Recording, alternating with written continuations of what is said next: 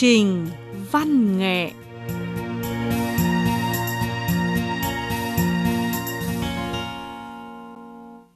Các bạn thính giả thân mến, hoan nghênh các bạn thưởng thức chương trình văn nghệ cuối tuần trên sóng Đài Phát thanh Quốc tế Trung Quốc. Chúc các bạn đêm cuối tuần vui vẻ và lãng mạn.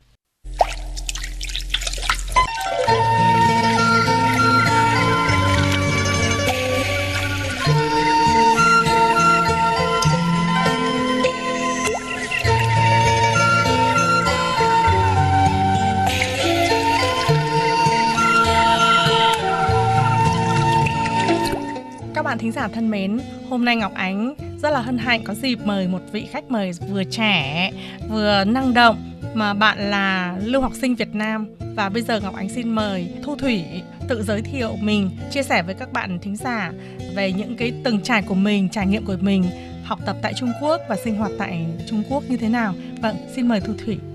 Xin kính chào toàn thể quý vị khán giả, khán thính giả. À, em là Phan Thu Thủy và đến từ trường Đại học Truyền thông Trung Quốc. Hôm nay em rất là vui khi được đến Đài Phát thanh Quốc tế Trung Quốc và chia sẻ với tất cả quý vị khán giả cũng như là thính giả câu chuyện về giấc mơ du học cũng như là câu chuyện hướng đến ước mơ trở thành MC truyền hình tiếng Trung của em có lẽ các bạn cũng đã nghe ra rồi. Thu Thủy là lưu học sinh Việt Nam, du học sinh Việt Nam đang học tập tại trường Đại học Truyền thông Trung Quốc. Đây là một trường điểm của Trung Quốc. Thu Thủy đang theo học chuyên ngành nghệ thuật, phát thanh và truyền hình. Đây là một chuyên ngành rất là gần gũi với cả à, công tác của Ngọc Ánh hiện nay. Vâng thế vậy thì xin hỏi Thu Thủy là từ đâu mà Thu Thủy lại chọn chuyên ngành mà mình đang theo học? Thì à, lúc đầu là em thật sự rất là đam mê tiếng Trung và giấc mơ, mơ đam mê tiếng Trung của em thì bắt nguồn từ khi em học cấp 2 À, ờ, sau đó thì em được à, trải qua rất là nhiều những sóng gió phong ba mà đến lần thứ hai em mới đỗ thi vào trường Đại học Hà Nội. Đây là một trường điểm liên quan đến ngôn ngữ ở Việt Nam và lúc đấy em mới được thực hiện giấc mơ tiếng Trung của mình. Nhưng khi em đi làm em mới phát hiện ra rằng dù mình có yêu tiếng Trung đến đâu đi chăng nữa thì ngôn ngữ vẫn chỉ là một công cụ. Và thực sự là mình chưa thể nào thăng hoa được với giấc mơ của mình nếu như mới chỉ trang bị cho mình một công cụ, thành thạo một ngôn ngữ. Cho nên lúc đấy em quyết định là muốn đi du học và muốn tiếp tục được à, học thêm một chuyên ngành và cụ thể là truyền hình. Bởi vì trong quá trình em học đại học thì em đã tham gia rất là nhiều hoạt động và với tính cách rất là năng động cũng như là thích giao lưu, thích giao tiếp của mình thì em nhận ra rằng truyền hình chính là một nấc thang thứ hai giúp em có thể thực hiện được đam mê của mình ạ. Thế thì nói đến ờ, phát thanh, truyền hình thì không thể tách rời được với cả những cái chương trình ví dụ như là giải trí, ờ, văn hóa, văn nghệ, văn hóa nghệ thuật. Trong cái quá trình học tập tại trường Đại học Truyền thông Trung Quốc như vậy thì Thu Thủy có dịp tiếp xúc với cái mảng chuyên ngành này không? À, dạ thật sự rất là may mắn là từ khi em học uh, tiếng Trung ở Đại học Hà Nội thì em đã thường xuyên theo dõi các chương trình của Trung Quốc. Ví dụ như là The Voice phiên bản Trung Quốc hay là có em Trung Đường hay là bố ơi mình đi đâu thế. Nếu mà nói uh, không ngoa thì đôi khi em lại còn quan tâm hơn cả những chương trình của Việt Nam.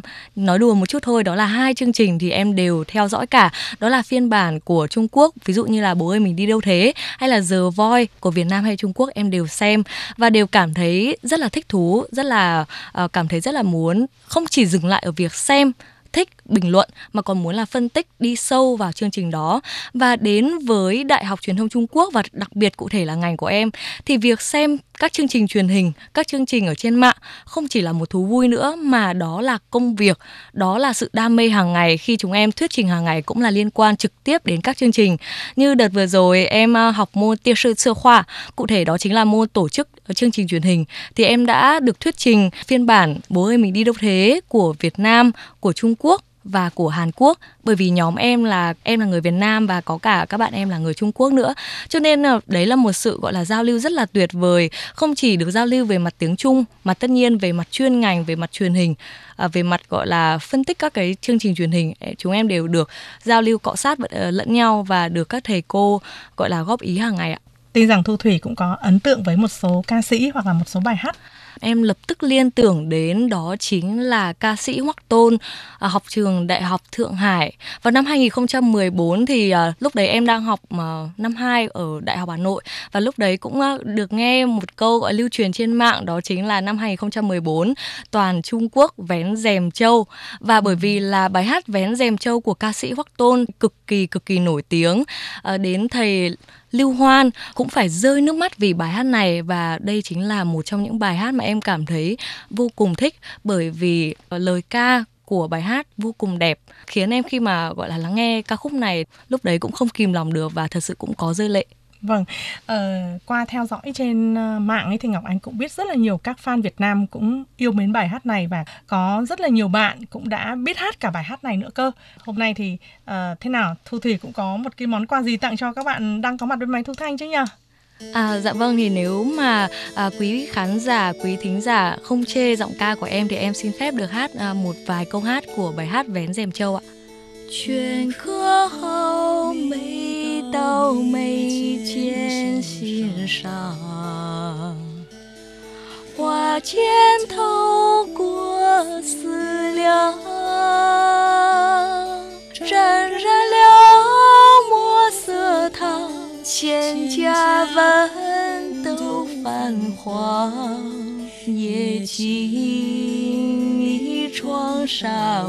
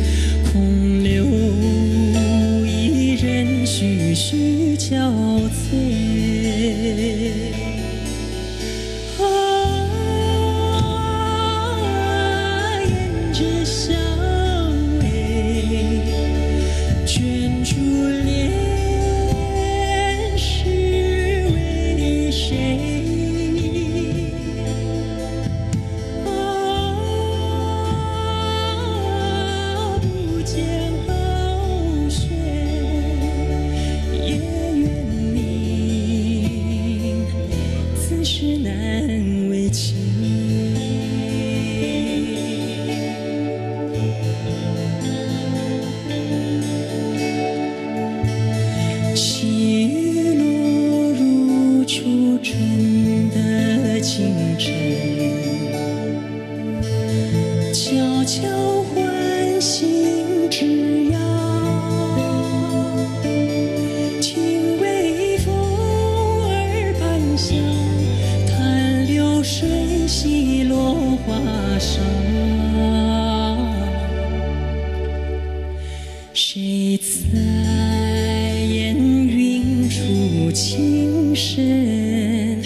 Vâng, trên đây các bạn vừa thưởng thức bài hát Vén rèm châu do Hoắc Tôn trình bày và đây là bài hát do Thu Thủy tặng cho các bạn. Vâng, cũng cảm ơn lời mở đầu của Thư Thủy cho bài hát này. Và bây giờ chúng ta lại tiếp tục với câu chuyện Thu Thủy trong quãng ngày uh, du học tại Trung Quốc nhé. Thu Thủy đến Bắc Kinh họ học tập ở trường đại học truyền thông cũng đã được nửa năm rồi. Đối với thời gian lưu học mà nói thì có lẽ là cũng chưa phải là dài lắm.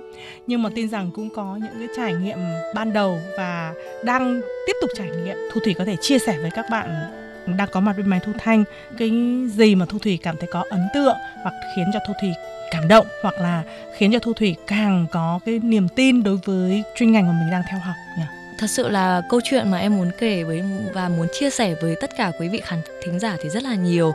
Bởi vì tuy rằng em mới đến Bắc Kinh có nửa năm thôi nhưng mà đối với em mỗi ngày thật sự là một món quà, mỗi ngày là để tận hưởng. Ở đây tận hưởng không có nghĩa là theo nghĩa tiêu cực. Mà ở đây tận hưởng theo đúng nghĩa tích cực của nó đó là mỗi ngày được học, mỗi ngày được theo đuổi đam mê, mỗi ngày được tiếp cận với những con người, những người thầy cô giáo, những người bạn bè vô cùng uyên bác và em cảm thấy được học rất là nhiều. Cụ thể là ở trường Đại học Truyền thông Trung Quốc có lẽ rất nhiều người khi mà mới đến một mảnh đất mới đều cảm thấy rất là bỡ ngỡ. Nào là lo không có bạn bè này nào là lo thầy cô giáo rất là xa cách. Nhưng mà em cảm thấy may mắn làm sao bởi vì em không hề gặp bất cứ những trường hợp nêu trên. Tình cảm của em đối với à, Bắc Kinh và cái duyên của em đối với Bắc Kinh cũng như là đối với trường Đại học Truyền thông Trung Quốc cứ như là đã từng có từ kiếp trước vậy. Bởi vì là khi em vào trường Đại học Truyền thông Trung Quốc và học các môn. Bất cứ những lúc nào em cảm thấy có khó khăn em đều liên hệ với uh, thầy cô giáo hướng dẫn trực tiếp của mình cũng như là các thầy cô giáo bộ môn.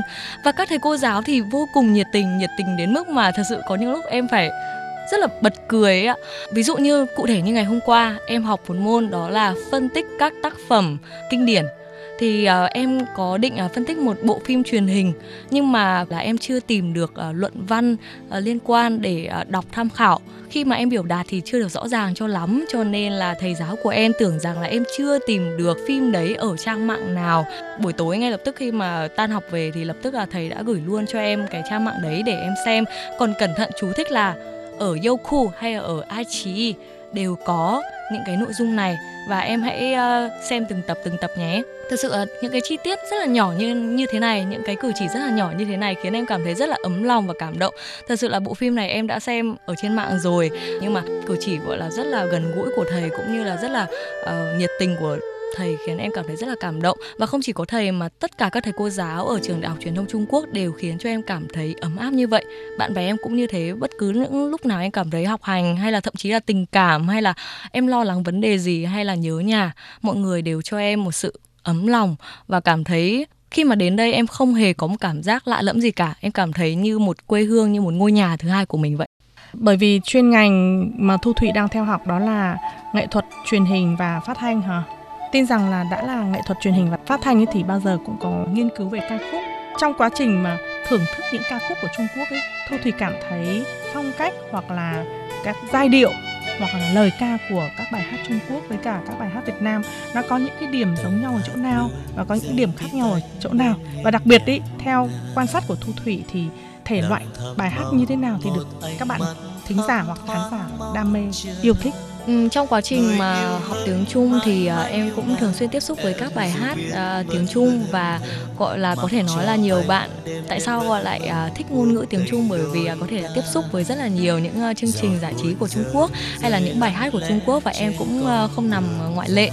Uh, thật ra thì có một một số uh, bài hát của Việt Nam thì được dịch trực tiếp từ uh, tiếng Trung hoặc là có một bộ phận thì uh, lấy nhạc tức là gọi là mua bản quyền nhạc của Trung Quốc. Và sau đấy thì về uh, sáng tác theo uh, theo cách của Việt Nam thì em cũng đã được nghe và thậm chí là có một số bài hát thì em rất là thích. Ví dụ như là có bài chân Si của tức là bài uh, gọi là trân trọng của Tô Hữu Bằng và khi mà dịch sang tiếng Việt Nam thì thật ra là không phải là dịch mà là bài tiếng Việt Nam có tên là Mưa trên cuộc tình. À, bài hát này của ca sĩ Đan Trường hát. Bài hát này thì uh, hơi lâu một chút rồi nhưng mà thật sự là lời ca thì uh, vẫn rất là kinh điển. Chuyện tình yêu đôi ta dễ đôi bao lời yêu đã vỗ cánh rồi thầm cầu mong cho em hãy quên những kỷ niệm xưa cuộc tình ta tan như giấc mơ. Hình bóng cũ mãi trôi về đâu giờ đã hết bao nhiêu yêu thương cô đơn lối về.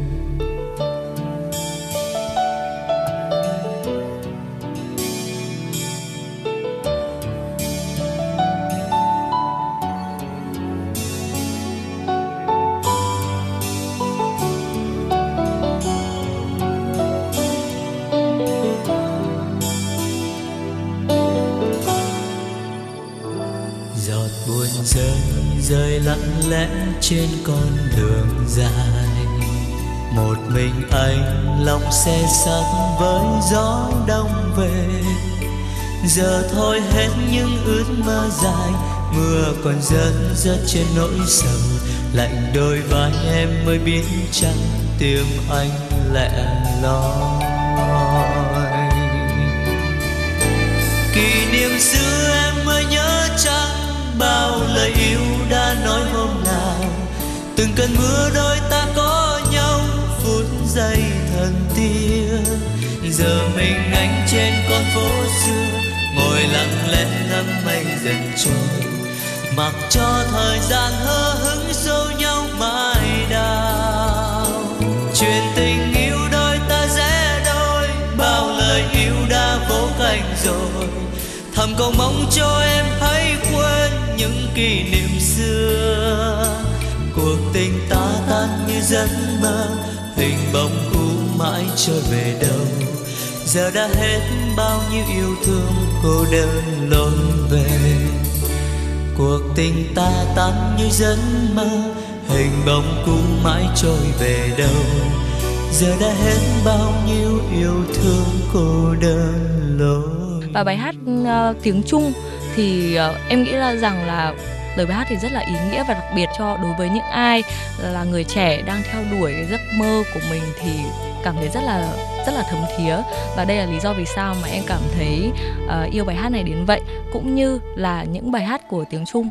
Đa phần em cảm thấy uh, những bài hát của tiếng Trung đều có ý nghĩa nội hàm vô cùng sâu sắc. Và các bài hát hát Việt Nam thì cũng như vậy đều truyền tải một cái thông điệp rất là tích cực khiến cho những người nghe đều có thể không chỉ cảm nhận uh, được cái hay của lời bài hát mà còn gọi thẩm thấu những nội dung những nội hàm văn hóa được ẩn chứa trong những bài hát đó.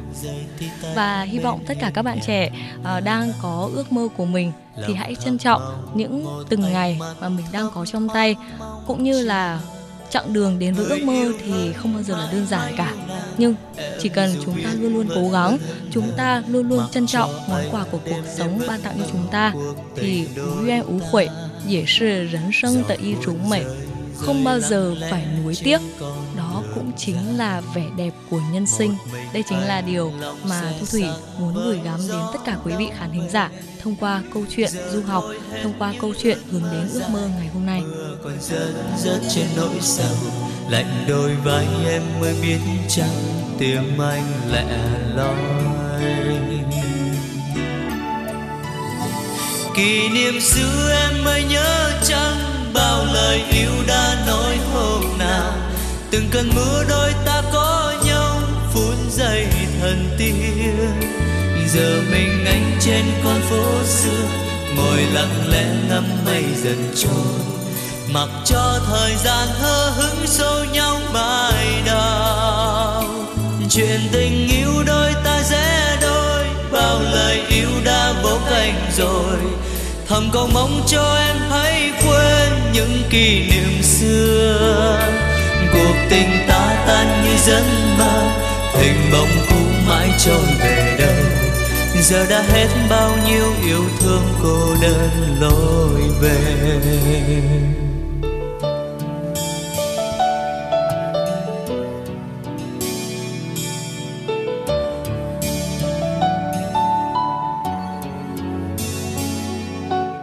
Cảm ơn Thu Thủy và ừ, có lẽ Thu Thủy cũng biết là Đài Phát thanh Quốc tế Trung Quốc và Hội Lưu học sinh Việt Nam tại Bắc Kinh có cùng tương tác và hợp tác xuất bản một ừ, cuốn tạp chí có tên là Cầu vồng hữu nghị và đến nay thì cũng đã xuất bản được khá nhiều kỳ rồi. Là một lưu học sinh Việt Nam đang học tập tại trường đại học truyền thông. Vậy thì Thu Thủy phải Trang cũng đã góp bài viết của mình cho tạp chí này? À, em cảm thấy rất là may mắn bởi vì là gọi là được học tại trường truyền thông Trung Quốc là một ngôi trường danh giá của Trung Quốc hàng đầu về uh, truyền thông. Chúng em thì việc được tác nghiệp hàng ngày đó chính là một điều rất là may mắn tạp chí Cầu Vồng Hữu Nghị chính là một uh, tờ tạp chí rất là tuyệt vời khiến cho chúng em có thể được tác nghiệp, được uh, thỏa sức viết về uh, mọi lĩnh vực ví dụ như là văn hóa hay là lịch sử hay là bản thân hoặc là bản thân mình có những trải nghiệm gì thì đều có thể cảm nhận.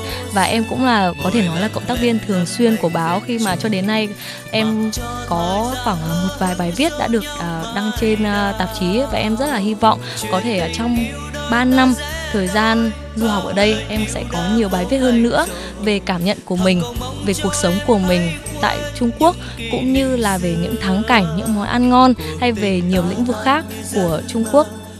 À, và em nghĩ rằng đây là một tạp chí vô cùng tốt để à, các bạn trẻ lưu học sinh à, đều có thể chia sẻ những cảm nhận những cảm nghĩ của mình à, và em sẽ cố gắng trong 3 năm du học tại Bắc Kinh sẽ cố gắng uh, viết uh, nhiều bài cũng như là cộng tác nhiều bài để rèn rũa khả năng tác nghiệp của mình trân trọng từng ngày được uh, du học tại Bắc Kinh. Vâng, vậy Ngọc Ánh cũng xin hỏi Thu Thủy rằng là tất cả các bài viết ví dụ như bài văn bài thơ bài luận vân vân trong cuốn tạp chí cầu vồng hữu nghị đều là do các bạn lưu học sinh Việt Nam viết có phải không? Hay là còn có các bài viết đến từ các bạn lưu học sinh của các nước khác? À vâng, em có thể khẳng định rằng là các bài viết ở cuốn tạp chí Cầu vồng hữu nghị 100% đều là do các bạn lưu học sinh Việt Nam viết được sự giúp đỡ của Đại sứ quán Việt Nam tại Trung Quốc cũng như là sự tài trợ của Đài Phát thanh Quốc tế Trung Quốc thì đây uh, tạp chí Cầu vồng hữu nghị thật sự là một sân chơi giúp cho các bạn trẻ đặc biệt là các bạn lưu học sinh Việt Nam có thể san sẻ những kinh nghiệm, những trải nghiệm, những cảm xúc tuyệt vời của mình trong những năm tháng đi du học ở đây em tin chắc chắn rằng những năm tháng du học đều là những năm tháng rất là đáng nhớ. Vì tuổi học sinh tuổi sinh viên hay thậm chí là nghiên cứu sinh thì đều có những cảm xúc khác nhau đều rất là trong trẻo đều rất là uh, ngọt ngào. Vậy nên các bạn lưu học sinh hãy cố gắng trân trọng và có những tâm tình có những cảm xúc gì thì hãy viết bài gửi về cho tạp chí cầu vồng hữu nghị nhé. Vâng à, thu thủy ơi chị ngọc ánh cũng muốn tìm hiểu quá trình mà thu thủy có được cái dịp đến du học tại Trung Quốc và Thu Thủy đến Trung Quốc du học như thế là do suất học bổng hay là do mình tự túc và trong cái quá trình để phấn đấu đạt được cái mục đích đến Trung Quốc du học này thì có lẽ Thu Thủy cũng có những cái trải nghiệm rất là đáng ghi nhớ và rất là muốn chia sẻ với các bạn trẻ cùng lứa với mình cũng đang trong cái tâm trạng phấn đấu hoặc là thực hiện ước mơ của mình. Thật sự khi ờ, được lắng nghe câu hỏi này thì trong lòng em nghĩ lại chặng đường của mình được đến Bắc Kinh, được đến trường đại học truyền thông Trung Quốc, cảm thấy có rất là nhiều uh, những cảm xúc đan xen. Em thi lại đại học lần thứ hai em mới đỗ đại học. Muốn học tiếng Trung thì phải học chuyên.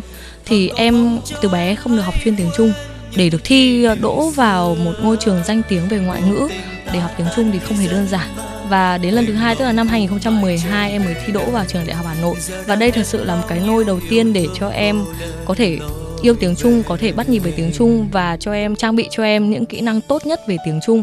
Và nếu như không có sự dạy dỗ của các thầy cô ở trường Đại học Hà Nội thì có lẽ đến giờ phút này em cũng không không đủ tự tin để sang đây du học. Đến khi mà em tốt nghiệp thì em mới nhận ra rằng bản thân em yêu tiếng Trung đến mức độ như thế, em không thể rời xa được. Cũng thấy rằng là em vô cùng hợp với ngành truyền hình phát thanh và trong quá trình làm việc tuy rằng là được cọ sát với truyền hình nhưng mà lại không được dùng tiếng Trung.